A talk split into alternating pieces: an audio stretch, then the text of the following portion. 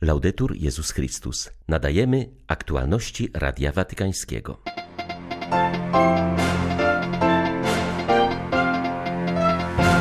Papież Franciszek wyznał, że czuje się już dużo lepiej.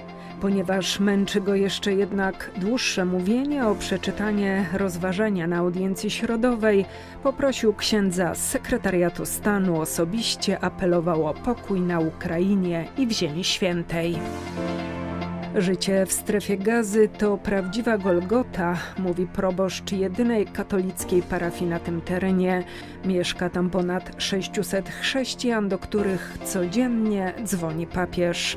Jego słowa dodają nam siły, mówi ksiądz Romanelli. Ojciec Święty zachęcił Polaków do wspierania Kościoła na wschodzie, a zwłaszcza na udręczonej Ukrainie. Apel ten skierował przed przypadającym w niedzielę dniem modlitwy i pomocy materialnej Kościołowi na wschodzie. 6 grudnia wita Państwa Beata Zajączkowska. Zapraszam na serwis informacyjny. Duch Święty zawsze poprzedza misjonarzy. W każdej formie ewangelizacji prymat zawsze należy do Boga. Franciszek przypomniał o tym w kolejnej z kateches o gorliwości ewangelizacyjnej. Czuję się dużo lepiej, ale męczę się jeszcze, gdy więcej mówię, powiedział witając pielgrzymów przybyłych na środową audiencję. Podkreślił, że aby przekazywać Boga, nie wystarczy wiarygodność świadectwa i aktualność przesłania – bez Ducha Świętego wszelka gorliwość jest próżna i fałszywie apostolska, byłaby jedynie naszą i nie przynosiłaby owoców. Przypomniał, że posyłając uczniów na głoszenie Ewangelii, Jezus nie przekazał im skryptów czy podręcznika, lecz powiedział, gdy Duch stąpi na was, otrzymacie Jego moc i będziecie moimi świadkami, aż po krańce ziemi to Duch Święty prowadzi nas do naśladowania Jego stylu, który ma zawsze dwie cechy kreatywność i prostotę. Polakom Ojciec Święty podziękował za to, że wciąż wspierają udręczoną Ukrainę. Spotkanie z pielgrzymami odbyło się w watykańskiej auli Pawła VI. Wśród nich wyróżniali się polscy artyści, którzy wieczorem zagrają w Rzymie koncert dziękczynny za beatyfikację rodziny Ulmów. Papieskie rozważanie odczytał ksiądz z sekretariatu stanu. Pozdrawiam serdecznie Polaków, a w szczególności artystów uczestniczących w koncercie Psalmy Pokoju i Dziękczynienia, upamiętniającym beatyfikację rodziny Ulmów. W najbliższą niedzielę w Polsce obchodzony będzie Dzień Modlitwy i Pomocy materialnej Kościołowi na wschodzie. Dziękuję wszystkim, którzy modlitwą i ofiarą wspierają tamtejszy Kościół, zwłaszcza na udręczonej Ukrainie. Serca Wam błogosławię. Wojna jest zawsze porażką, podkreślił papież na zakończenie audiencji. Przed udzieleniem pielgrzymom błogosławieństwa apostolskiego wezwał do modlitwy o pokój na Ukrainie i w Ziemi Świętej. Nie zapominajmy o modlitwie za tych, którzy cierpią z powodu tragedii wojny, w szczególności za mieszkańców Ukrainy, Izraela i Palestyny. Wojna jest zawsze porażką. Nikt nie zyskuje, wszyscy tracą, zarabiają jedynie producenci broni.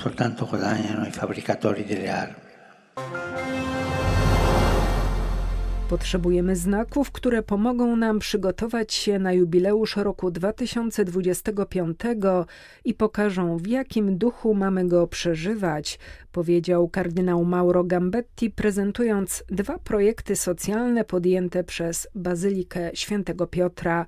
Chodzi o produkcję różańców z drewna pochodzącego z łodzi, którymi przybyli do Włoch migranci oraz resocjalizację więźniów przez pracę. Kardynał Gambetti podkreślił, że jubileusz chrześcijański musi mieć implikacje społeczne i o tym przypominają podjęte przez Bazylikę projekty społeczne.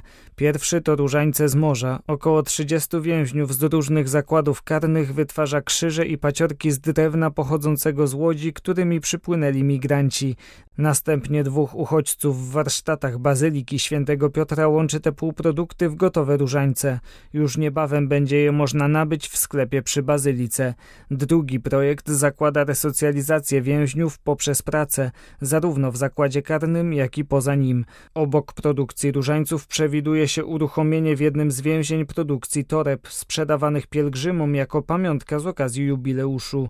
Ponadto już teraz w Bazylice Watykańskiej pracuje jako elektryk jeden więzień rzymskiego więzienia, planuje się zatrudnienie kolejnych. Głównym problemem Kościoła katolickiego w Pakistanie jest to, że podobnie jak inne wyznania chrześcijańskie, brak mu pełnej stabilności legalnej, uważa nowy nuncjusz apostolski w tym kraju. Podkreśla przy tym, że również chrześcijanie są obywatelami Pakistanu, synami tego kraju i muszą żyć w pokoju i bezpieczeństwie prawnym. Arcybiskup Germano Pedemonte przyznał, że dążąc do osiągnięcia tego celu stawia na dialog z władzami i dialog międzyreligijny. Odbył już pierwszą rozmowę z prezydentem, który jak zauważył okazał się człowiekiem otwartym i chętnym do współpracy oraz z dwoma ważnymi imamami w Lahore i Islamabadzie. Stopniowo chce odwiedzić cały kraj, przyznając zarazem, że nie udało mu się jeszcze złożyć wizyty w Jaranwali, gdzie w sierpniu doszło do ostrych antychrześcijańskich zamieszek. Każdy jest tu obywatelem Pakistanu i każdy ma takie same prawa. Staramy się pracować na rzecz harmonii, pokoju oraz silniejszego dialogu międzyreligijnego, dodał papieski dyplomata.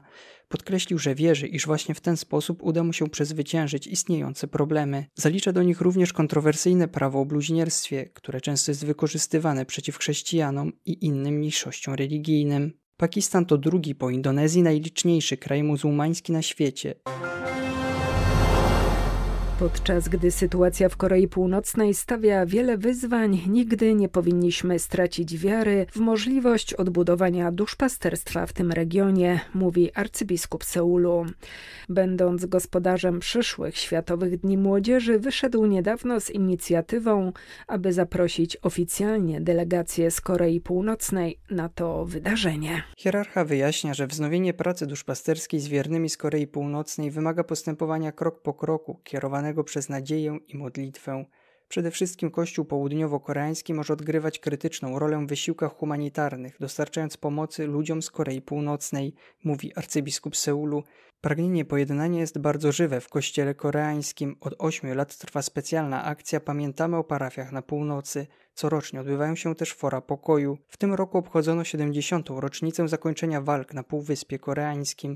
Jesteśmy mocno przekonani, że rola Kościoła koreańskiego, a także przez rozszerzenie Watykanu może być kluczowa we wzmacnianiu dialogu pokoju, podkreśla arcybiskup Chung. Ponad 600 osób przebywa obecnie w katolickiej parafii w Gazie. Było ich więcej, ale część wyjechała. Większość jednak nie chce opuszczać tego miejsca. Mówią, że po co mają uciekać na południe, gdzie w mniejszych miasteczkach nie ma niczego, ani prądu, ani gazu, ani wody. Na taką sytuację wskazuje tamtejszy proboszcz ksiądz Gabriel Romanelli. Oni wybrali pozostanie przy Jezusie, podkreśla kapłan, którego parafia przed wojną liczyła 120 katolików. W obecnym czasie, podczas ciągłego zagrożenia życia i zdrowia, zebranym w parafii ludziom, nie tylko katolikom, duże wsparcie duchowe dają konkretne znaki z zewnątrz, mówi ksiądz Romanelli. Całkiem szczerze, bliskość patriarchy i jego świątobliwości papieża jest bardzo, bardzo ważna. Bo przecież w mrocznych dniach, w dniach trudności, kiedy ktoś doświadcza Golgoty i to prawdziwej Golgoty, trwanie przy kimś ma znaczenie i robi to osoba o wielkiej odpowiedzialności za kwestie całego regionu.